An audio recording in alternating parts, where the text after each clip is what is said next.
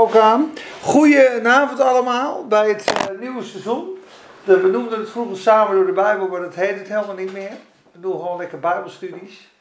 En uh, heel leuk dat jullie er zijn. Ook uh, Elise vind ik erg leuk. Hanneke reageert. Verrassend. Vind ik echt fijn. Ook jij belde nog als laatste. En Berry was ook een verrassing. Dat vond ik leuk. Want ik zou je zeggen, ik had, uh, ik heb, uh, nou ik laat het even kort voorstellen. Ik heb, ben, uh, jij kent mij misschien minder goed, maar goed. Ik ben geboren in Spakenburg. En de eerste twintig jaar van mijn leven een beetje naar de kerk. Toen helemaal ontspoord op mijn twintigste. Veel drugs gebruikt, ook hier in de Jantjes.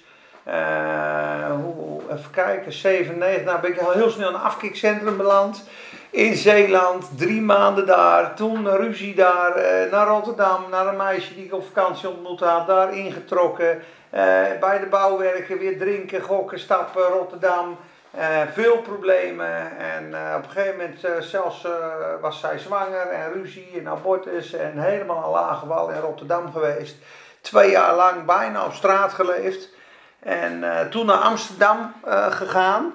Eh, daar ben ik, uh, nou heb ik heel veel gedaan, heel veel gezien. Ik ga niet alle details uh, vertellen, maar op een gegeven moment kwam ik weer terug bij God, zou ik maar zeggen. In 2002 ben ik toen gedoopt. Ik kwam toen mensen tegen van de evangelische kerk. Gaat het wel goed mee, Peter? Ja, oh, ja, maar gaat het echt goed? Ja, ja. Nou ja, goed, toen vertelde ik mijn verhaal. Toen werd ik gedoopt. Gingen er heel veel dingen goed. Eerste half jaar perfect. Blij kerk, baan, herstel. Maar uh, toen zagen ze toch wel in die kerk, ja, die jongen heeft toch wel wat uh, wondjes in zijn ziel en wat dingen meegemaakt. Die moeten we eigenlijk een beetje helpen, want die komt van zo diep. Die gaat, uh, die zondagdienst alleen, die gaat, die gaat, die gaat niet doen voor hem. Zoals er een hele lieve man, Hein Posma. En achteraf denk ik, ik zou het persoonlijk nooit op zaterdagavond doen, want het is mijn favoriete avond. Maar die man die was gewoon elke twee weken op zaterdagavond, stelde hij zich beschikbaar. En dan kwam Peter Duis praten met hem. En die vertelde over de liefde van God en de genade. Maar ik viel altijd nog terug. Op terugvalletje, uh, weer huilen. Ik weet nog wel, ik in de redding zat ik vaak op zondag met tranen. Mijn tranen wegslikte. En dan had ik zo'n uh, neus vol met cocaïne van de vorige avond gewoon. En dan, weet je wel, dan, dan, dan denk ik, goh. Zaterdag val je, zondag huil je. En dan voelde ik me echt een hypocriet. Tot die man zei: Nee, joh, je moet juist komen. Als je valt, juist bidden en juist blijven komen. En uh, dat ging zo op en, op en neer, af en aan. Tot de dag dat ik bij hem vandaan ging. En de ene keer ging ik naar huis. En de andere keer ging ik wel eens, ik zo onrustig ging, gewoon gelijk door naar de Jantjes. Ongelooflijk, zo verslaafd. En zo onrustig nog. Hij zei wel tegen mijn moeder: Die jongen kan nog geen vijf minuten alleen lopen. Met die ADHD, nou dat werd toen ook ontdekt, kreeg je medicijnen. Maar wat mij het hardst raakte eigenlijk, was het volgende punt. Dat ik op een zaterdag bij hem vandaan kwam. Dat hij eigenlijk al wel aanvoelde, die gaat straks de wereld in. En dan kwam hij voor me staan en toen zei hij, lieve vriend, als je nou straks bij een maatje zit vanavond, dan zijn mijn gebeden met jou. Hè? En toen zegt hij dat, ik moet er nu nog om huilen. Ik denk, hoe kan dat nou joh? Je hebt me lief, je weet ik ga falen en je bidt voor me. Hoe kan dit? Ik kreeg gewoon een vreugdevuur in mijn buik van dit, dit is het is de genade van God, joh. Hem zijn liefde is groter als mijn falen. En dan was ik hier aan het stappen en natuurlijk wou ik dat niet. Maar ik, ik, ik ging zitten. Ik denk, ga om 11 uur naar huis. Je gaat niet naar huis. Het is gezellig. Je neemt een drankje. En dan komt je verslaving kwam langs. En ik had geen kracht in die tijd en geen overwinning. Ik ging gewoon keer op keer op mijn bek. Totdat hij dat gezegd had, was het begin van de ommekeer. Want ik zat s'nachts en ineens denk ik, gewoon mijn gebeden zijn met jou. Dus God wies me niet af in het midden van mijn verslaving.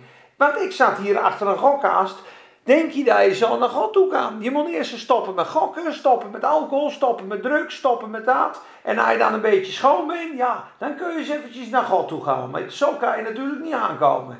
Want je maakt er een potje van. Ja, dat heeft geen zin. Hij zei, je draait alles om, joh. Dat is vers 100. God die komt nu in jouw smerigheid. En dan gaat hij dat stap voor stap met jou uit je leven gaat hij gewoon halen. Dat moet je doen. Je moet hem vertrouwen. En, en toen zegt Jeroen, een andere vriend van me van die kerk, joh, Peter, zei die, je moet een keuze gaan maken. Je moet echt gaan kiezen voor de Heer Jezus. En ook al was ik gedoopt eh, en had ik genezing nodig, eh, moest je op een gegeven moment een keuze gaan maken, weet je, om je toe te vertrouwen aan de Heer Jezus. En dat is met vallen en opstaan gegaan. Vallen en opstaan. 2002 gedoopt. 2004 kwam ik iemand tegen, vurig, krachtig. Die was bij een eh, prediker geweest in Amerika. De kracht van de Heilige Geest tegenwoordig, jongen. Ja, maar religie. En die haalde idee van je. Die heeft de Heer Jezus ook al gedragen, joh. Positiviteit. Ik zei, ja, maar ik val af en toe nog in drugs. Hij zei, maar hoeveel drugs gebruikt je dan? Ik zei, ja, vroeger wel drie of vier gram. En nu dan? Ja, half vier, één gram. Prijs de Heer, jongen. Dat is toch geweldig? God is in je bezig. Van vier gram naar één gram. Halleluja. Ik denk, hoe, hoe positief is dat? Ik zei, nou ja, ik word er wel blij van, weet je wel. En hij zei, joh, ik was ook verslaafd en problemen. En die man kwam in Amsterdam en ik ben aangeraakt, Peet. En ik, ik zit op de achterste rij. Ik geloofde er niet in. Mensen waren aan het lachen. Mensen vielen om. Ik denk, die vent die deugt niet, joh. En uh, op een gegeven moment zie ik een oud schoolleerling, zegt hij. En die wordt aangeraakt met de vreugde van God. En die zit bij mij in de klas. En die zei, nee, die vrouw die ken ik, die zal dat nooit spelen. Dit, er gebeurt hier iets. En hij hoort op een stem in die zaal, die zegt, als het beest in jou niet sterft, zal je nooit drinken van de nieuwe wijn. Dat hoorde hij. En die kijkt zo aan voor wat is dit? En dat ging erover dat het beest van godsdienstigheid en religie, dat moet sterven. Dan zal je de vreugde van God vinden, de genade van God. En dat had hij gevonden. Vier ton schuld. Met vier kinderen. Op een flatje woonde die. En de criminelen achter me aan. Als ik had de handgranaten in mijn dakgoot liggen. Peet, naar de mens gesproken kom je daar nooit meer uit. Problemen met de onderwereld, problemen met de politie, problemen met mijn gezin. Maar de dag dat ik mijn leven aan Jezus gaf, kon ik bij een keukenzaak werken onder zijn vleugel. En kon ik met 25.000 bonus en hard werken, kon ik in drie, vier jaar al mijn schulden aflossen. Totdat die man zei, ik ga de zaak verkopen, je het overnemen. En na acht jaar was hij miljonair, al zijn schulden afbetaald. En overal getuigen, zwervers van het station halen, in zijn huis, vlaag geven, aankleden. En elke keer in de supermarkt getuigen. Je kent Johan, hè? Oh, Daarna, ja, daarna ook weer wat fouten gemaakt, maar goed. Ik werd er door aangeraakt. Hij bad voor mij, was heel positief. Dus ik ben toen naar Bijbelschool gegaan in 2004. Daar weer wat geleerd. Toen weer teruggekomen in Nederland. Weer vallen en opstaan. 2006, 2007 aangeraakt door Jozef Prins in Genade. Weer een stukje dichterbij. Toen getrouwd. 2010 weer een doorbraak, is even snel verhaal. 2013 weer een keer aangeraakt. Dus ik ben van level naar level naar level gegaan. En nu gaat het steeds beter. En toen begon ik in 2013 eigenlijk fulltime onderwijs te geven. Dat heb ik drie jaar gedaan. En toen kwam er een burn-out. Eind 2016. En uh, dat was voornamelijk uh, dat ik eigenlijk heel streng voor mezelf was. Uh, zwart-wit naar jezelf kijken. Voor zo'n studie voorbereiden bijvoorbeeld. Met zo'n latte langs. Ja, en hoe zit dat in jouw leven dan? Want jij gaat het vanavond vertellen, maar hoe zit het bij jou? En dit en dit. En dan zat ik gewoon twee uur depressief voor me uit te staren. Elk seizoen zei ik, ik stop ermee. Elk seizoen, ik stop ermee, ik stop ermee. Want ik kon die blijdschap en die genade daar niet in vinden. Het was altijd maar presteren, presteren, presteren. Toen heb ik drie jaar lekker rustig aangedaan. Ben ik in de coronatijd weer begonnen. Hele mooie tijd gehad, gegroeid. En nu uh, denk ik, ik ga beginnen met studies, maar ik had echt de leiding van God wou ik erop hebben. Ik denk, ik ga het niet doen uit mezelf. Dus ik ga op vakantie, eerste tijd. Ik heb echt gevraagd, Heer, geef me een beetje een raad, geef me een schouderklopje, uh, geef me een aanwijzing. Want ik wil het niet uit mezelf doen. Ik weet dat ik geroepen ben om, om uh, onderwijs te geven. Ik weet dat ik uh, dingen heb mogen leren. Maar ik ga het niet uit mezelf doen. Ik bid echt of u me bevestigt dat ik dat doe. Geen antwoord. Nog een keer bidden, geen antwoord. Nog een keer bidden, geen antwoord. Ik stel man, ik ga het gewoon niet doen. Ik dit elke keer, elk seizoen doe ik het. Maar wat gebeurt er namelijk als je het niet met God doet? En, en er komen of geen mensen of de avond loopt niet. Dan ga je heel snel twijfelen. Ja, zie je. Het is niet uit God. God wil het helemaal niet. Het is een dood werk, of zie je wel. Dus ik heb gewacht en gewacht en gewacht. En uh, op een gegeven moment heb ik nog een keer gebeden. Ik zei, joh, heer, kun je dan niet zeggen dat het niet door moet gaan? Want dan heb ik misschien meer rust. Want ik kan op donderdagavond prima gaan tennissen of iets anders gaan doen. Ik vind het hartstikke leuk om te doen, maar ik wil het gewoon samen met u doen. Ik wil dat u er een goedkeuring aan geeft. En ik zeg, weet je, tegen André Zwaan, de tennisman, als ik vanavond om 12 uur niet weet of ik dat moet doen, ga ik het gewoon niet doen. Want ik word er knettergek van alles. En toen kreeg ik niks. En toen zei ik tegen man, ik doe het niet. En ik stuurde al naar anderen ook, ik doe het niet. Nou, doe maar in januari, ja, januari, nieuwe ronde. En ik was best wel ontmoedigd. Want ik denk, joh, ik krijg eigenlijk geen antwoord. Ik bid er toch gewoon netjes voor. Ik vraag het toch. En uh, nou, de een zal zeggen, joh, je hebt dat teken allemaal niet nodig, want je mag gewoon preken. Maar ik, ik vind dat ik dat wel nodig heb. Omdat je de dingen met God wil doen. En deze man die daar in de hoek zit, die stuurt om 8 uur s ochtends, de volgende dag, ik zwaar ontmoedigd was ik. Ik zat naast mijn bed en ik was echt, echt ontmoedigd. Ik denk, joh, ik bid, ik ben zo oprecht wil ik zijn. Ik bid ervoor, ik krijg geen antwoord. Ik vind het, nee, ik ben eigenlijk een beetje dwaas, denk ik. En hij stuurt mij s ochtends deze tekst uit het niets. Misschien kan ik hem wel voorlezen. Nee, nee, ik kan er niet bij. Predik het woord. Gelegen of ongelegen. Voel je je goed, voel je je niet goed. In het seizoen of buiten het seizoen. Maak je dienst ten volle bereid. En het raakt me als een vuur in mijn buik. En ik kreeg echt een klik in mijn. Ja, dit is de Heer. Het is gewoon woord van Heer. Het mag wel. Het mag wel! Ik heb een vestiging gehad! Het mag wel! Het is goed! Geen stress meer! Dus toen was ik blij. Toen denk ik, God, wat ben ik daar dankbaar om? Want dan weet ik dat het gezegend wordt. Dat God het goed vindt.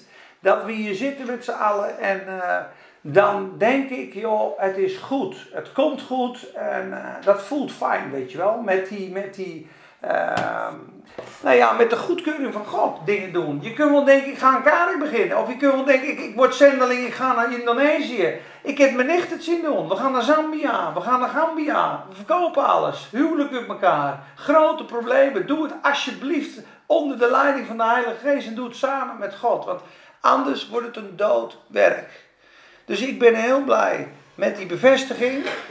En... Uh, nou ja, dat is een beetje een kort verhaal uh, van de inleiding. En ik heb uh, uh, vijf maanden geleden de tekst gelezen in Romeinen 4, vers 25. En die ga ik eventjes met jullie voorlezen. Romeinen 4, vers 25. En toen zei ik tegen Ramona, god, daar word je toch blief aan. Die moet je gewoon opschrijven, die tekst. Als je dit elke dag gewoon leest, dan word je dolgelukkig. En toen dacht ik, als ik weer studies ga geven, ga ik het daarover houden, wat daar staat. Want dit is de kern van de blijdschap van het evangelie. En toen dacht ik, ja, tien lessen. We pakken de mooiste lijnen van de Bijbel over gerechtigheid. De diepste parels die ik ken vanuit de hele Bijbel doen we het eerste gedeelte. Dat was eigenlijk het eerste plan. En het tweede gedeelte gaan we genade bestuderen. Arie erover heb ik nog gebeld. Hoe dat zit met die genade, hoe vind jij dat? Dus dat was het eerste plan. Drie kwartier over gerechtigheid, drie kwartier over genade. Dat was het eerste plan met een pauze ertussen. Maar toen kwam Ramon, die zei: Joh, niet te veel dit. Toen kwam jij met hart, hoofd en handen. Toen hebben we erover gebeden. En toen dacht ik: Oké, we gaan het gewoon loslaten. We gaan de avond invullen. Uh, op bijbelse uh, manier. En we gaan gewoon een zegen vragen. En we geven de avond gewoon aan God. En als we de ene keer kort praten, prima. Als we een rondvraag hebben, prima. Misschien gaan we wel een keer lekker uit eten met z'n allen, prima. We gaan lekker genieten van Jezus, genieten van het woord. Ik ben niet degene die constant aan het is. Ik wil graag interactie. Misschien gaan we een keer een groepje samen bidden. Maar het moet zo zijn dat Jezus de ruimte krijgt dat we veranderen. Jullie dichter bij God komen, dat ik dicht bij God kom. En dat je krachtig groeit in geloof. En het is niet alleen maar onderwijs. Dat is het niet alleen maar. Er is meer en dat ga ik je zo laten zien. Ja? Dat is de introductie. Ik hoop dat je daar wat mee kan. We gaan bidden. Begin ik mee. En dan gaan we de, studie starten. We kijken wel even hoe waar het loopt. En wat, uh, wat sleutels wil ik meegeven voor de tien avonden. En dan denk ik dat we het gewoon uh, straks om denk, kwart over negen, half tien ronden we het lekker af. Kunnen we nog een beetje nakletsen. Maar ik wil een, eh, een kleine les doen. En eh, inderdaad wat sleutels meegeven voor de tien lessen, voor de tien avonden. Dat het beter landt bij je uh, vanuit de Bijbel. Goed? Duidelijk? Duidelijk. Oké, gaan we bidden, ja? Vader God in de hemel, we danken u zo voor deze tijd en de mensen die hier zijn. Heer, u kent ze, u heeft ze allemaal door en door lief. Heer, en dat bidden we ook over vanavond en de avonden die komen, Heer. Dat ze doordrenkt mogen worden met hoe u naar hen en mij kijkt. Heer, en wat u voor ons heeft gedaan en voorbereid. En wat u wil en uw plan is met ons. Heer, ik vind het zo mooi als Tom de Wal dat zegt. God heeft je niet gemaakt om te falen, maar om te stralen. Heer, dat bidden we, Heer, dat uw licht, uw straling, uw glorie gezien wordt over hen allemaal. Waar ze ook komen, consultant of bezorger bij de Albert Heijn of autoverkoper of op school of waar dan ook, Heer. Heer, dat de glorie en de glimlach van uw genade zichtbaar is in hun leven, Heer. Heer, dat ze groeien in autoriteit, in gezag. Heer, dat ze mogen zien wie ze zijn in u. En dat u week na week het woord wil openen openen, Heer. En we dragen ook deze avond en al die avonden aan u op, Heer. Dat u de regie neemt, dat er goede input komt. Heer, is de lied, is de lied.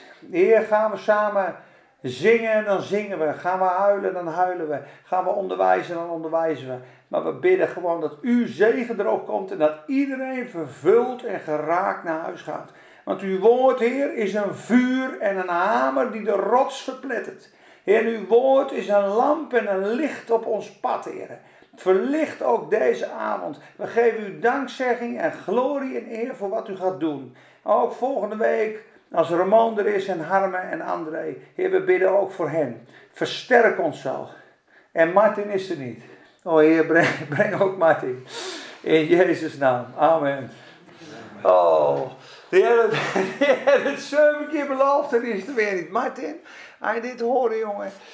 Ik kreeg vanavond, ik kreeg vanavond een low kick van me. Ik kom je opzoeken en ik kreeg een low kick. Maar goed, ik lees even de tekst die mij zo ontzettend bemoedigde. Een paar maanden geleden. En uh, ik lees hem even in het Nederlands. Maar hij is zo erg mooi in de Amplified Bijbel. Dan zal ik je zeggen waarom. Er staat die om onze overtredingen is overgeleverd. Dat is Jezus. En opgewekt om onze rechtvaardigmaking. Jezus is overgeleverd voor onze overtredingen, voor je zonde. En opgewekt om ons te rechtvaardigen. Nou, in de Amplified staat er. He was delivered for our offenses. And He was resurrected to secure our justification, staat erachter. Want het woord door is het Griekse woord dia. Dat staat eigenlijk toen Jezus opgewekt werd, werden wij gerechtvaardigd. Dus op het moment dat wij gerechtvaardigd werden door God, dat God zei is volbracht, al die zonden zijn weg, ze zijn nou zo wit als sneeuw, dat was het bewijs dat het klaar was, op dat moment ging Jezus omhoog. Dus de Amplified zegt heel mooi, to secure and prove our justification. Dus het feit dat Jezus opgewekt is, is het bewijs dat wij schuldeloos voor God staan. Sterker nog, we gaan het uitdiepen in les. Rechtvaardiging is veel verder nog dan alleen schuldeloos voor God staan. Ik ben erover aan het nadenken geweest, ik heb erover gelezen. Maar wat ik en wij heel vaak nog proberen, is punten scoren bij God. Heb ik het goed genoeg gedaan? Ik moet zijn geboden toch wel uh, ja, doen. Tuurlijk, je hebt mijn zonde vergeven. Ik sta, gaat in Spakenburgs verder. Ik sta wit en schoon voor hem. Maar vandaag, ja, hij kan 6,5. Dat is niet helemaal, niet helemaal top. Maar het gaat veel verder. Want die wet is vervuld. God heeft eigenlijk gezegd toen hij jou rechtvaardigde: Jij hebt alle geboden volmaakt gehouden tot in eeuwigheid. We gaan nog veel verder. Want wat Jezus gedaan heeft in al zijn volmaaktheid is op ons gekomen. Dus ik heb niet alleen right standing met God, zei ik tegen Peter van Menix. Nee, we, we have bold standing with God. We staan vrijmoedig. Ik kan alle geboden houden. Ik hoef helemaal niks meer te doen. Ik ben niet alleen schuldeloos. Hij is overgeleverd voor mijn schulden, ja. Ja, maar hij is opgewekt voor mijn rechtvaardiging. Het is tweeledig. Mijn zondeprobleem is opgelost, dacht ik. Ik denk, mijn zondeprobleem is opgelost. Mijn tekortkomenprobleem is opgelost. En mijn rechtvaardigheidprobleem is ook opgelost. Ik hoef mezelf niet meer te rechtvaardigen. Dus ik hoef helemaal geen punten meer te scoren ook. Ja, maar ja, jij net de zondigt, zegt de duivel. Ja, hè? Ik heb Jezus rechtvaardigheid. En nu komt de strijd van het geloof. Want het natuurlijke denken en alles in ons zegt: luister, dit kan niet. Als jij de wet breekt, ja, ben je onrechtvaardig en vies. Klaar. Punt uit. Dat is heel logisch. En toch rekent God die zonde jou niet aan en is ze gekomen op Jezus Christus. En zijn we voor eeuwig vrij van veroordeling. Het is een wonder van genade. Dat is precies wat Hein Posma zei. Als jij vanavond aan het snuiven bent, vriend, zijn mijn genade gebeden met jou. Want jouw zonden zijn op het kruis gebracht en hij ziet jouw nood en jouw pijn. En hij wil dat die liefde op dat punt komt. En dan stop jij met die cocaïne. Je zat niet met die vinger. Ga nou niet vanavond daarin. Dat deed hij niet. Dus die tekst, dat is maar één voorbeeld van wat we uit willen diepen. De kracht van de vergeving en de opstanding van Jezus. Wij zijn rechtvaardig verklaard enkel en alleen door geloof, niet door de werken.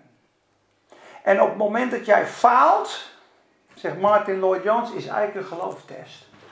Want wij zeggen allemaal heel makkelijk: ik ben rechtvaardig voor God door geloof in Jezus Christus als we op de berg zijn. Maar wat als je net ruzie hebt met je man? Ja? Of je scheldt iemand verrot in het verkeer, of je gaat keihard op je snuffert. Dat is het punt dat Satan komt, dat jij jezelf onrechtvaardig gaat verklaren. En daar is het punt dat je nog steeds net zo wit en net zo schoon bent voor God. Dat is nou het wonder. En alles in jou zegt dat kan niet. Nou, dat klopt, zegt Arie erover. Genade is helemaal niet eerlijk. Nee hoor, is totaal niet eerlijk dat hij, die zonde zonde is, gestraft wordt voor ons. Maar het wordt ons aangerekend uit genade door het geloof. En dat is een vast fundament waarop wij staan. Nooit en te nimmer kan de christen ooit nog onder veroordeling komen. Dat is het goede nieuws. Geloven jullie dat? Of klinkt dit als te ver van mijn bedshow? Wat vind je daarvan? Kun je dat beamen wat ik zeg? Uh, ja. ja. Ja, mooi. Ook als je faalt. Ook als je valt, ben je nog steeds rechtvaardig. juist als je valt.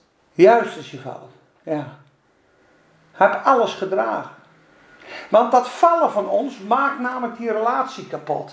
Dus als God zou zeggen, luister, alleen als je niet valt, kan je met mij leven, Peet. Ja, dan zitten we daar weer achter die gokkast. Ja, wanneer stoppen we nog een vriend? Zo kunnen we niet naar de Heer. Nee. Kijken nog pornofilms, dat kan nooit, joh. Zo'n heilig God. Ik er zo aan kunnen komen. Vieze bliksem. Sorry dat ik zeg, jongens. Sorry. Laat het even netjes houden. Nou ja, sorry. Maar snap je? Dat de kracht van de genade gaat dwars door de zonde heen. Omdat, en Arie erover noemt dat heel mooi. En daar heeft hij mij ook gigantisch mee geïnspireerd. Totaal irrelevant. Zei die keer. Ja, totaal irrelevant. Ik vind het nog wel aardig relevant dat je zondigen en fouten maken. Totaal irrelevant. Sterker nog, jij hebt permissie om alle zonde te bedrijven. Ja. Permissie om alle zonde te bedrijven. Ja, maar ik weet wat het gekost heeft, Peet. Daarom kan ik het niet meer. Ik kan het niet meer. Maar ik heb permissie om alle zonde te bedrijven. Het zou van zijn liefde en zijn werk niks afdoen. Maar ik kan het niet meer. Want ik weet wat het hem gekost heeft. Mijn hart is gebroken van zijn liefde voor mij. Ik wil het gewoon ook niet meer. Maar bij jou is het nog, je mag het niet. En daarom val je. Nou, en die genade, die maakt mensen vrij. Die maakt mensen gelukkig. En dan komt de juk en de vloek van de wet gaat van ons leven af. Dan krijgen we een blijvende blijdschap in Jezus. En dan is het genade op genade op genade. En genade is mensen onverdiende gunst. Je verdient het totaal niet. Je bent onwaardig.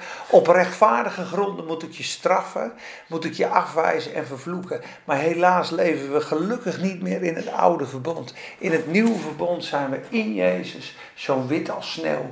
Los van onze performance. Los van ons presteren. Goed of fout, telt niet meer. Het is geloof je in Jezus? Ja, lieverd, dan is het goed. Met al je fouten, met al je smerigheid, kom je vrijmoedig voor mijn genade troon.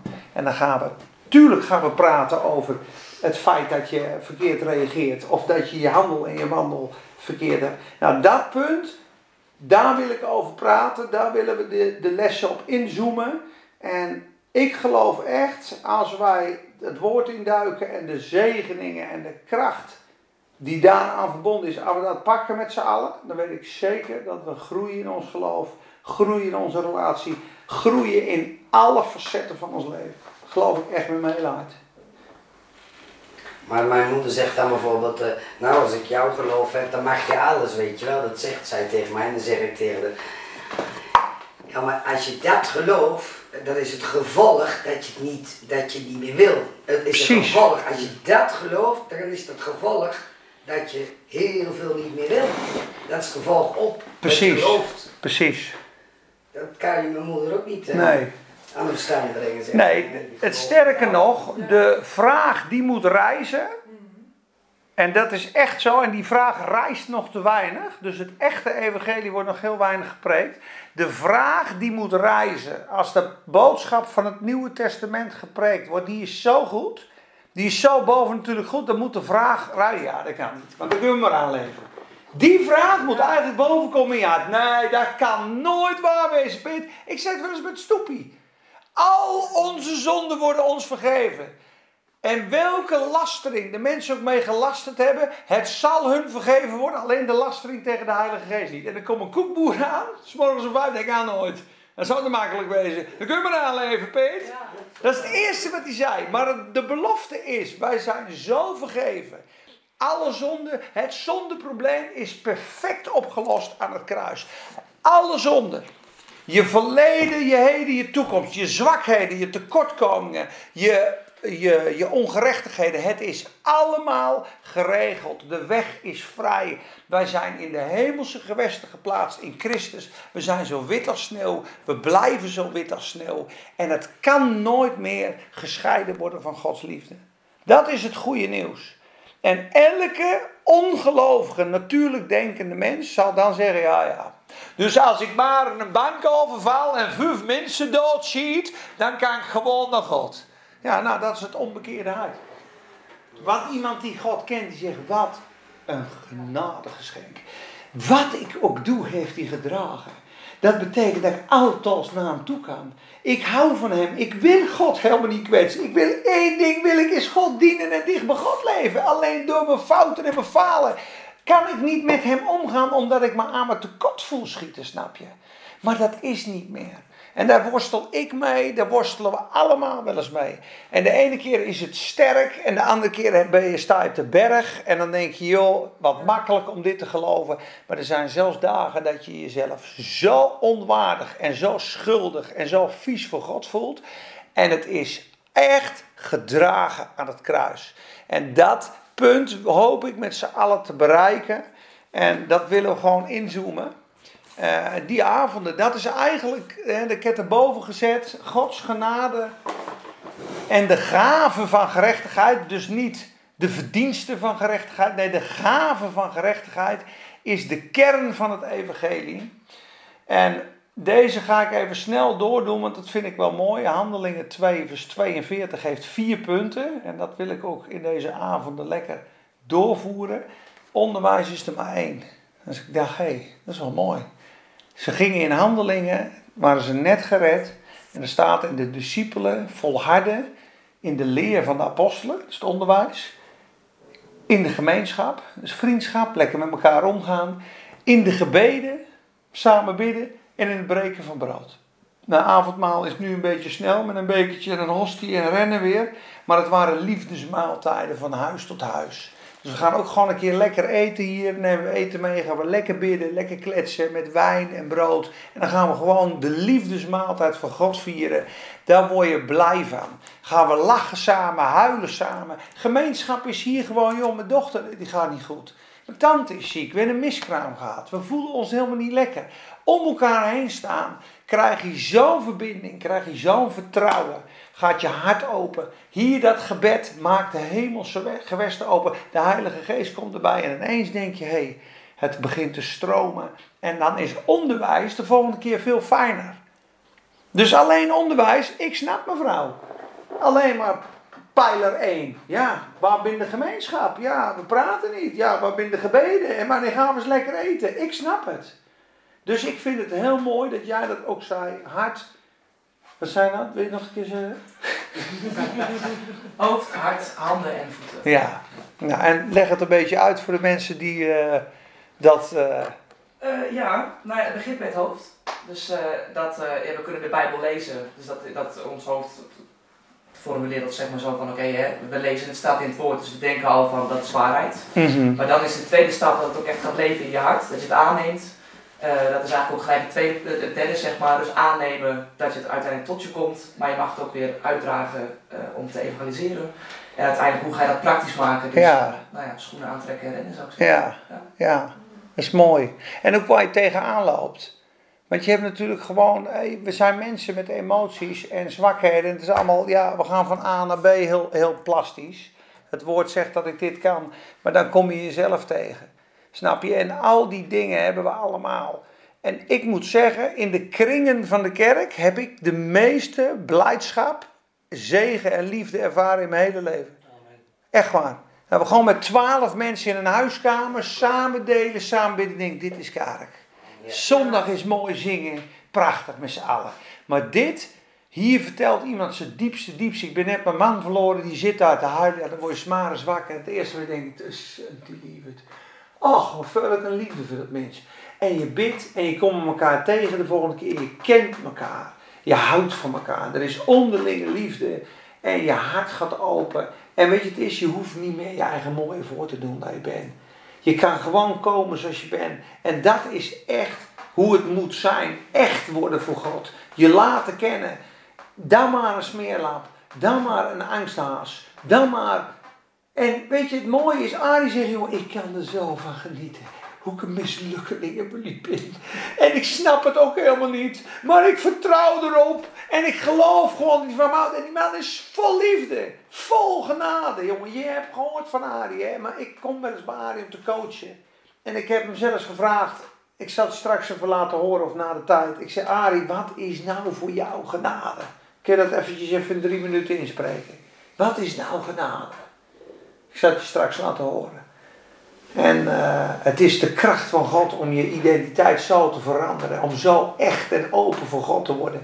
En dan hoef je je niet meer mooi voor te doen. Dan ben je in de echtheid. En weet je, het is, God komt in die onwaardige zwakheid, komt hij zijn kracht en zijn glorie geven. En niet in iemand die denkt, ik het allemaal met elkaar. Want dat is die fariseeën die zegt, ik bid, ik geef tiende. Dank u dat ik niet zo ben als hij. En daar hebben we veel last van in Spakenburg, jongens. In heel Nederland. In heel Nederland. Ook in Spakenburg wel een beetje extra, denk ik, met de kerk en de oud-testamentische leer. Denk ik zelf persoonlijk. Um, dus dan gaan we gelijk naar punt 1. Waarom deze avonden? is ook weer een tip van mevrouw. Vertel eerst de mensen eens even waarom je deze avonden doet. Ja, dat doe ik, lieve schat. nee, ja. Ik zou zeggen in punt 1. Waarom deze avonden? Door, uh, ik ben in 2002 gedoopt, dus nu 2022. Ik ben al 20 jaar onderweg. En in de 20 jaar dat ik onderweg ben, als ik dan de nuggets eruit haal wat ik tegengekomen ben over dit onderwerp, dan zeg ik, wat wij gaan bespreken is de essentie van het evangelie en de kern van de boodschap van Paulus. Het komt door al zijn brieven, gaat het heen. En het is gerechtvaardigd worden door het geloof volmaakt verklaard voor God door simpel vertrouwen in Jezus Christus. Punt. Alle wetten volmaakt gehouden. Alle zegeningen komen op jou. Alle gunst. Alle, alle, alle beloftes van de Bijbel in één klap op de gelovigen. Daarom zegt de Heer Jezus, Johannes de Doper was de grootste van allemaal, maar degene die het kleinste is in het koninkrijk is groter dan hij. Waarom? Omdat God ons als Jezus ziet. Wij zijn de lieveling van de hemel geworden door Jezus. Het is echt een wonder. Het is zo maximaal, die zegen, dat de hemel een staande ovatie geeft voor jou. Nu. Staan allemaal te juichen. Perfect, ze zien Jezus in je. Je bent als hem geworden. En alles wat hij gedaan heeft op aarde, dus ook Naama, of Naaman, het Oude Testament. Ook in Nain, die weduwe opgewekt. Die, die, die, die zoon van die weduwe. Elk wonder, elke daad, van de kribbe tot aan het kruis, zijn gedrag, zijn perfecte leven, wordt jou aangerekend. Zijn rechtvaardigheid is op jou gekomen en jouw smerigheid is op hem gekomen. Een totale omwisseling. Hij is het zondoffer geworden. Ik zei je zeggen, ik heb in 2014 met vasten. Toen zei iemand: Ik hoop dat je de grootste openbaring van je leven krijgt, Peter, tijdens het vasten. En ik lees, en daar gaan we een hele les over doen. 2 Korinthe 5, vers 21. En een boekje van Wilke van der Kamp. Wie ben ik in Christus? En die heeft het over die omwisseling. En ik ben een beetje aan het nadenken erover. Hij die geen zonde gekend heeft. Heeft hij, God, voor ons tot zonde gemaakt. Opdat wij zouden worden rechtvaardigheid van God in Christus. En ineens denk ik, God, dus mijn zonde is op hem gekomen. En zijn rechtvaardigheid is op mij gekomen. Dus eigenlijk wat ik gedaan heb, dat heeft hij gedaan. Jezus heeft eigenlijk gezegd, en zo ging het verder, dat, dat, heb ik gedaan, ja. Ik heb dat gedaan. Peter niet, nee, ik. En ineens zie ik gewoon in een halve visioen, zie ik Jezus. Ja, het is echt bizar, achter een gokhaas zitten. Met dat kleed zo in Rotterdam. Ik denk, dit, dit kan toch niet waar wezen, jongens. Maar het is wel logisch, dacht ik. Want hier aan het kruis heeft hij gezegd: alles wat hij gedaan heeft, heb ik gedaan. Dat neem ik op me. Ik, ik heb die meid bedonderd, ja. Ik, ik heb gestolen. Ik heb dit gedaan. En toen zei hij, ja maar Peter, dat is bizar. Ik zeg, maar dat, dat moet het wezen. Hij is gestraft voor mijn zonde. Dus hij heeft eigenlijk gezegd, ik heb dat gedaan. En hoe onrechtvaardig is dit? Alles wat Jezus gedaan heeft, dat heeft Peter Duis gedaan. Peter Duis? Peter Duis is een zwarte zondaar. Nee, Peter Duis volmaakt, perfect jongen. Dat is een topper. Dat is er gebeurd. Dat is het wonder. En ineens denk ik, ja, dan snap ik het. Want dan is hij gestraft voor mijn zonde, als mijn zonde. Nou, dat, dat heb jaren nog geduurd voordat kan landen bij me. Zo bizar. Maar dit is echt het evangelie, jongens. Het is zo goed nieuws dat alles wat Jezus gedaan heeft, heb jij gedaan. En alles wat jij gedaan hebt, is op hem gekomen. En al die zonden zijn bestraft in Jezus, in het, in het graf gebracht. In de hel is die geweest. En toen heeft God het uitgewist. Allemaal. En toen werden we opgewekt samen met hem. Dus we zijn in een totale nieuwe setting gekomen. Dat is de essentie van het evangelie. We zitten in een dorp met veel kerken, veel religie. Sorry dat ik iedereen uh, chasseer. Het is een godsdienst van de mens zonder de relatie met God. Dat is religie. Dan is dit is de koning van rechtvaardigheid uh, die het teruggebracht heeft. Je hebt Martin Luther in 1500, maar E.W. Kenyon was in 1870 in Amerika, toen alles een beetje wettisch was, is hij over die Paulusbrieven gaan nadenken. En die was een kei op dit gebied. En die heeft een klein boekje, Righteousness. En er staat voorop, the most important message ever offered to the church. Dat boekje heb ik in 2006 gelezen. Dus ook hij stipt het aan als het meest belangrijke boodschap voor de kerk. Dan is er iemand, ik heb de naam even in afkortingen erbij gezet, die wandelde zo heftig. Ik heb een keer gebeden, Heer, ik vind het wel moeilijk, want daar kom heen kijk.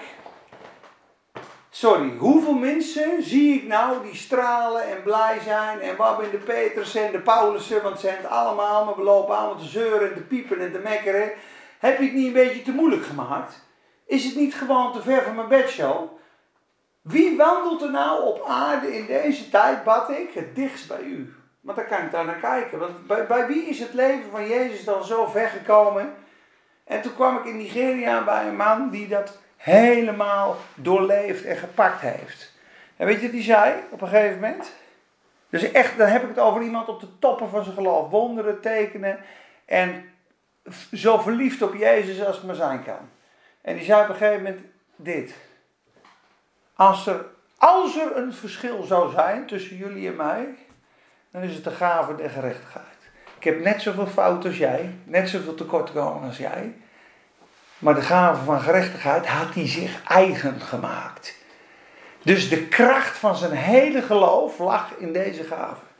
Dat er geen greintje veroordeling meer is. Dat er geen schijntje schuld en zondebesef meer is. En dat er een connectie met God is. Dat God stralend naar je kijkt. Elk moment van de dag tot in eeuwigheid. En wie dat beseft, die is zo vrij en zo gelukkig. Die begint te bloeien en te stralen aan alle kanten. Dus het is helemaal niet iets van je moet harder je best doen. Nee, je moet gaan begrijpen hoe perfect en hoe volkomen dat werk van Jezus is. Dus dat is ook een reden waarom ik dit doe. Het hele nieuwe verbond is genade en de bediening van gerechtigheid, 2 Korinthe 3. Dat betekent gewoon een hele switch. Er staat gewoon de bediening des doods, die was in tafelen gegra- gegraveerd, het oude verbond. We zijn nu in de bediening van de genade en de gerechtigheid. Dus het hele opereren in het Nieuwe Testament wordt gedragen door genade en gerechtigheid. Dit zijn gewoon de pilaren van het Nieuwe Testament. En dat wil ik gewoon als fundament neerleggen. Nou, wat het, wat het uitbrengt, uitwerkt, daar heb ik er ook bij gezet. Het brengt ons dicht bij God, het doet ons God kennen. Het creëert geloof. Maar goed, de rest dat, eh, dat snappen we en dat kan ik ook wel een keer doorsturen. Maar dat is de reden dat ik eh, deze avonden doe. Omdat ik weet wat de zegen is van het verstaan van, dit, van deze boodschap. Oké, en dan, dit heb ik al verteld, bevestiging. Dit gaan we volgende keer doen en die wil ik nu behandelen, heel kort. En dan eh, wil ik nog wat openingen laten voor vragen en kletsen en eh, wat jullie zelf verwachten van deze avonden en wat jouw eh, droom is of verlangen of misschien wel de missie waarmee je hier gekomen bent of het gevoel waar je hiermee zit. Dat zou ik graag willen weten, want ik bid graag voor jullie ook door de week, ook als ik voorbereid. Want als ik dan denk aan jullie die hier allemaal zitten, dan denk ik, ja, ik gun ze het allerbeste en mezelf erbij, want ik ben niks meer of minder. Maar dan denk ik, ja, wat zou je graag willen dat we allemaal in de kracht van God, in die beleidschap en die overwinning komen. En dat we stralende getuigenissen worden. En dat we de volle zegen van God gewoon ervaren in alles. Dat is echt mijn verlangen. En ik weet zeker dat er heel veel mooie dingen gaan gebeuren. En dat we samen gaan groeien. Dat geloof ik echt. Oké. Sleutels. Deze. Ja. En trouwens, ik weet niet of jullie meelezen willen, maar dat is echt gebleken, is echt beter. Ik heb hier nu bijvoorbeeld Spreuken 2 vers 1 tot 6 staan. Ik ga het nu voorlezen, maar als je zelf meeleest, pak je 70% meer. Ja, je onderbewuste ziet die letters. En hij geen telefoon met een Bijbel-app? Ik, ik heb dat wel vaak. Ja, jij bent een, een, uit, ja, jij bent een unicum. Dat, dat heb je wel vaker gezegd. Uitzondering beste wereld. Ik Ja. echt niet. Perfect. Ik pak dit zoveel beter Oké. als ik luister. Oké. Heb jij een telefoon bij? Ja? Met een Bijbel-app? Nee. Oh. Nee? Nou, zet de Holy Bible er even op. zo vinden, nou. Zo- En jij? Ja, moet even doen? Zet hem maar op. Dan kun je zo meelezen. Dat is hartstikke mooi. En jij ook toch? Je hebt een Bijbel op je telefoon. maar ik luister er Oh, al. dan kijk Ja? weg. Ook als ik het voorlees. Ja, ik vind het echt. Ik sla makkelijker op aan als iemand voorleest. Ik ook. Ja, ik vind het allemaal goed. Gezegd. Ik- op, dingen. nee, oké. Op Bijbelschool zei ze tegen mij: pak het zelf. Want als je het leest, komt er zo'n woord van die pagina af. die ik niet zeg. en die kan je zo raken. Maar goed. We gaan niks verplichten, hè? Ga je naar de instellingen, wacht even. Instellingen. Dan ga je naar, eh, nee sorry niet instellingen. Leesstoel. eh, Eh, nee, App Ja, Store. dat was het net. Oh, sorry. Maar hoe is die? Bijbel app. Gewoon alleen de Bijbel in. Bijbel-app. Bijbel plus audio. Het is een bruin bijbeltje. En kan jij op, eh, een, ja, wij hebben een iPhone op je App. Ja, ik Kan een Samsung. Ja, kan jij een Samsung? Nou, dan die tijd wel. Barry weer. Ik heb gewoon een. Is dat is dit? Ja, dat kan wel niet staan. Bijbel-app, die bruin is het. Die- Deze is kant. Ja. Zijn die één? Spreek één? Spreuken 2 gaan we. Ja. Nou, die heb je zo gedownload. Vers 1, dan doe je twee puntjes, hè. Vers 1. Ze lezen Dan zelfs moet je voor je wachtwoord. Weet je dat, je Apple wachtwoord? Nee. Ah, nou, anders doe je het volgende keer thuis, man. Ik begin... eh, Maar normaal, ook ID. Dat zit erop. maar normaal hoeft dat niet, toch? Oh, ik heb hem al. En dan- Oké. En dan doe je straks spreuken 24 erin. Gaat die downloaden? Ja. Ja. En dan, volgens mij is de HSV staat er ook bij. Dan heb je in ieder geval een goede vertaling. Ja, dit is een version. Perfect. Inloggen, verder met Facebook.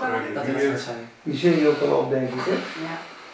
Dan weet je niet wat Peter uit leest. Dan moet je die nog weer een keer Ja, invullen. zoiets. Automatisch invullen. HSV. Wel HSV. Herziene statenvertaling. Oh, doet hij die? Ja, Oh, dat is het. Ja. Dan hebben we een Oh, wachtwoord. verleden, al die wachtwoorden. Ja, Ik nog ook weten. anders lees je even met een ander mee. Ja, wel goed. Ja? Ja. Oké. Ehm, laten we de tweede maar doen. Spreuken 4. Ja, sorry. Anders wordt het te lang. Spreuken 2 is ook super mooi. Die zegt bijna hetzelfde. Vers 20 tot 20. Ja, 20 doen. Ja. want er is- 20 tot 22. Wat super belangrijk is in het horen van het woord, is geloof, verwachting, een openheid, een zuiverheid. Hebreeën zegt bijvoorbeeld, het woord werd vroeger gepreekt aan het volk Israël, maar het deed hun geen enkele nut, omdat het niet gepaard ging met geloof in, hun, in de toehoorders. Dus ze zitten daar gewoon.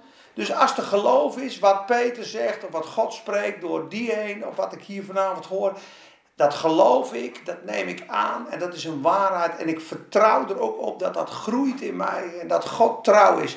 Dat gedeelte, dat je het geloof in het nu trekt, dit is voor mij, dit is waar, dat is een sleutel tot groei.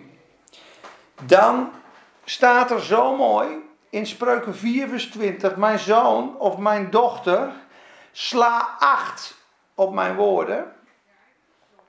Neig je oor tot wat ik zeg.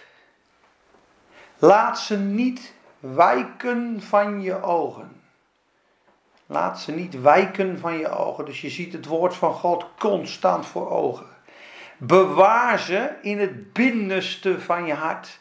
Dus de kern van je wezen is bezig met het woord van God. De woorden van God zijn immers leven voor wie ze vinden.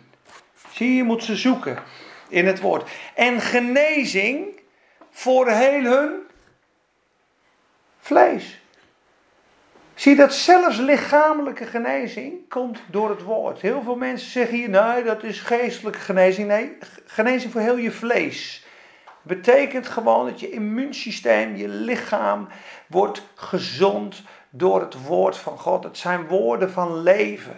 Het zijn woorden van kracht, woorden van licht. De Bijbel zegt zelfs, mijn woord is als een vuur, als een hamer die een rots verplettert. Eh, Jesaja 55, ik zend mijn woord en het komt pas terug als het gedaan heeft waartoe ik het uitzond. Zoals de regen op de aarde komt en die bloemen groeien uit, zo stort ik mijn woord uit in de mens. En het komt pas tot mij terug, totdat het bewerkstelligd heeft in die persoon wat ik wil. Dus God wil dat je acht hebt op zijn woord. Er wordt heel veel afgeleid. Nee, acht op zijn woord. Ik focus op dat woord. Ik neig mijn oor. Dit is wel een geestelijk oor, hè? Dus je hoort nu, maar hoor je echt. En je overpijnst dat woord. Je bewaart het in je binnenste van je hart. Dus je loopt thuis. Overgeleverd voor mijn zonde. Opgewekt voor mijn rechtvaardiging. Mijn zondeprobleem is opgelost. Ik ben gerechtvaardigd. Ik heb vrijmoedigheid voor God. Het hele volk Israël vroeger kon niet eens naar God toe. Die moest een jaar wachten met zo'n hoge priester met bloed. De profeten konden alleen met God praten. Ik kan rechtstreeks met God praten. Heer, hier ben ik. Hineni, Heer, hier ben ik. Dank u dat u mijn zonde gedragen heeft. In het binnenste van je hart bewaren. Ze zijn leven voor wie ze vinden. Als jij overpijnst over een tekst, komt er een diepere laag. En een diepere laag. En een diepere laag. En ineens loop je in de supermarkt. Je, dat is het. Dat is het. En dan spring je over een auto heen van vreugde, mensen. Echt waar, een openbaring van God krijgt, wordt een deel, een letter wordt levend in je. Die gaat nooit meer weg. Dat wordt een deel van Christus, wordt in jou gebouwd. Dat is Jezus in jou die groeit. Daarom zegt de Bijbel, als pasgeboren babytjes, geestelijke babytjes, verlangt naar de onvervalste melk van het woord, dat je daardoor mag groeien. Indien je maar geproefd hebt dat God goed is, staat erachter. Zij God ziet als een boeman, kun je niet groeien. Hij is volop goed. Zijn glimlach is over je. Hij wil dat je groeit. Hij wil je zegenen. Hij is naar beneden gekomen en zich laten afranselen en kruisigen voor jou. Om jou met God te verzoenen. Om je te overladen met zijn liefde. Om zijn glorie in je te laten zien dat je straalt en bloeit en groeit als koning en priester. En zijn erfenis je na wil laten. Hier, je bent een deel van hem. Iedereen die hier zit is een, heeft een deel van God. Een deel van Gods schoonheid, Gods goedheid, Gods karakter. Dus als je dat woord in je hart bewaart en overpijnt, zijn zij leven. Voor wie ze vinden. En eens wordt het leven, eeuwig leven, in jou. Onvergankelijk leven. Dan word je, een, er komt er een stuk van Jezus dat groeit in jou. Die pasgeboren baby groeit. Totdat wij worden als een volwassen man, zegt de Bijbel. Dat is Romein 8. De hele schepping kijkt rijkhalzend uit naar het openbaar worden van de volwassen zonen en dochteren van God. Dat Jezus zo gegroeid is in zo'n man. Dat is die TB Joshua die ik zag op een gegeven moment. Jezus is daar zo in toegenomen. En de Bijbel zegt, Lucas 6 vers 40, iedere discipel die volgroeid is, zal net zo zijn als zijn meester. Dat is apart. Toen ik dat las, denk ik, god, dat is apart wat er staat. Iedere volwassen leerling, iedere discipel die volwassen geworden is, zal net zo zijn als zijn meester. Dat zegt Jezus. Moet nagaan dat je zo aan de kant gestapt bent. Net als een Corrie. Dat Jezus zo zichtbaar je wordt dat mensen... Daarom zeggen ze ook in Antiochie in de Bijbel, noemden ze ze voor het eerst christenen. Waarom? Ze zagen Jezus in die mensen. Dat, dat, dat liep wel Jezus, dat ben Christussen. Christenen. We noemen ze christenen. Dat staat in de Bijbel. Echt waar. Dat is de eerste keer dat zij christenen genoemd waren. Waarom? Ze zagen iets in die mensen van Jezus liefde, van Jezus zorgzaamheid, van Jezus kracht, van Jezus karakter. En het, bij Arie is het bijvoorbeeld genade, bij Tom de Wal is het de kracht van God. Maar dan kun je niet afschilderen. Ja, hij is niet zo genadig, ja, hij is niet zo krachtig. Ja, samen zijn ze genadig en krachtig. Hé, hey, dat is toch geweldig? Ja, het zijn broeders, de hand in de voet. Laten we elkaar lief hebben. Tom is wat botter, klopt. Maar Tom zaagt hem weer door. Die is boem. Hoppa, zes demonen op de vlucht. Ja, Arie die zou misschien wat liefdevoller zijn. Ja, dat weet ik niet. Maar wat Arie heeft qua genade, heeft een ander qua geloof. En een ander qua visie. En er zijn zelfs zakenmannen in het lichaam van God. In, in Romeinen 12. Zij die geld genereren. Er zijn zelfs gezalfde zakenmannen door God. En die zijn net zoveel waard als een prediker. Of als een zuster of als een huisvrouw. Allemaal net zo gezegend en net zo bijzonder. Of je nou een zonnestudio runt of je een auto verkoopt. Ja, nee, maar dat is waar. Dus bewaar ze in je hart. Ze zijn leven voor wie ze vinden en genezing voor je hele leven. Dus dat is de eerste. Wat we hier delen, kan je horen, kan je vergeten of je gaat ermee aan de slag door de week. Je spreekt het, je overdenkt het. Kijk, want dat heb ik hier gezegd. Hè? Waak over dat woord. Overdenk het woord. Zie je? Ja, zie je mooi hè? Spreek. Spreek het woord. Weet je dat, weet je dat het mooie is? Sorry voor alle teksten als het te veel is hoor, maar ik, ik probeer het een beetje te onderbouwen. 2 Korinthe 4 zegt: Ik heb geloofd en daarom spreek ik. Komt op Psalm 116. Ik heb geloofd en daarom spreek ik. Dus ik geloof dat ik rechtvaardig ben. Dus wat zeg ik thuis?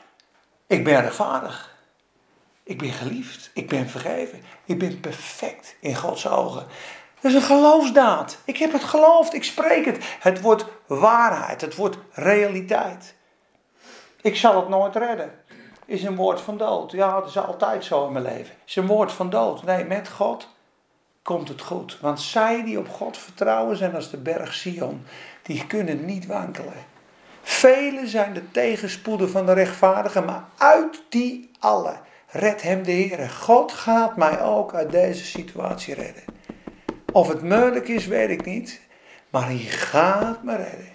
Hij is trouw en daar vertrouw ik op. Bye bye devil. En dan ga je er doorheen, jongens. Dus dat woord bewaren, overpeinzen, bedenken, ontleden is gewoon lekker in stukjes knippen. Ik ben vergeven, ik ben gezegend, ik ben een erfgenaam, ik ben een dochter. Jezus zoekt mij. Wauw, hij zoekt mij. Ga maar eens in stukjes knippen. Eet het maar eens op. Dank ervoor. Begin maar die belofte te danken. Dank u Heer, ik ben vergeven. Dank u Heer, uw woorden zijn mij tot genezing. Dank u Heer, ik aanbid u ervoor. En dat brengt je gelijk in connectie met God. Begin God maar eens te danken voor de beloftes van zijn woord. Zo ontvang je ze, dan komt de Heilige Geest. Als jij gaat aanbidden, komt de Heilige Geest. En ineens komt het water op het woord. En komt het licht erbij. En dan heb je water, zaad en licht. En wat gebeurt er dan in de natuur? Wat gebeurt er? Kijk maar elke natuurfilm. Zodra het water en de zon samenkomt, ontstaat er leven. Is in al die films van Earth. Ik vergeet het nooit meer toen hij dat zei. Ik denk, ja, dat klopt. Water, light en earth. En ineens, woef, and there's life. Ja, zoals met het woord ook. Dan komen we bij de handen en de voeten. Hè? Geloof het en handel ernaar. Ja, personaliseren. Aanbid God, maak de verbinding. Of beter gezegd, laat je vinden en kennen. Dat is een uitspraak van Ari. Heel mooi. Laat je vinden en laat je kennen. En ik heb erbij gezet, dat is niet altijd even eenvoudig. Want soms is het te pijnlijk om over dingen te praten. Of eh, ben je een beetje eigenwijs. Dat kan. Zoek God. Wees standvastig. Neem je zwaard en je wapenrusting op. Ga staan. Ga staan. De Satan is onder je voeten. Ga staan in geloof. Wederstaat de Satan vast in het geloof. Dan komt de overwinning. Heb ik erbij gezet. Je bent schoon, je bent vergeven. Je bent geliefd, aanvaard, gekend, getroost, gekoesterd, bekrachtigd. Staat er allemaal in. Je hebt alles om een connectie te maken met jouw hemelse vader. En in die heerlijke liefde en de vrede van de Heilige Geest te wandelen. Daar begint het. En daar stoppen we lekker vandaag. Want het is veel info voor jullie. Maar dat is wat ik mee wil geven voor die lessen. Bewaar het woord. Koester het woord. En daar staat, tuurlijk staat erachter met een open hart en een zuiver hart. Je moet niet uh, in, ruzie, uh, in ruzie zijn of uh, dingen aanhouden in je leven. Dat verstoort gewoon je relatie met God en de openbaring. Ondanks dat het vergeven is en dat hij klaar staat met open armen, kan je natuurlijk als je wrok koestert tegen iemand, of ik noem maar wat, jij hebt ja, wat gestolen bij de boekhandel en het ligt in je huis, ja, hey, ik noem maar wat hoor en er zit geen vrede, ja, dan blokkeert Gods geest. Dat blokkeert gewoon. Dus dan ga je heel moeilijk ontvangen. Dus een zuiver en open hart naar God toe. En uh, nou goed, dit is van essentieel belang om, uh, om te groeien. En uh, ik zal door de week bidden zoeken naar wat God wil dat we delen. En ik hoop echt dat er avonden komen dat er ook een rondvraag is en dat er hele mooie dingen boven komen. Maar wat ik voornamelijk wil doen is uh, de genade en de gerechtigheid uitlichten. Die mooie dingen ervan waar wij zijn zelf degene die dat woord moeten koesteren, onderhouden, bevochtigen en overdenken. Want dat wat ik nu vanavond zeg kan in een uurtje weg zijn. Maar je kan het ook bewaren en dan is het eind volgende week, valt het kwartje bij je. En dan groei je in je geloof, groei je in je relatie met God. En sterker nog, alles is mogelijk voor degene die gelooft. allemaal wij die hier zitten. Voor God is het niet zo mogelijk wat hij door ons heen kan doen. Denk niet te klein hoor, van jezelf en van wat God door jou heen kan doen. Of dat durf ik niet, of dat kan ik niet. Als zijn geest over je komt, ben je net als Simpson, dan ruk je zo duizend Filistijnen uit elkaar. Amen? Amen. Nou, dan stoppen we vanavond bij deze met de introductie. Mag ik een vraag stellen? Heel graag.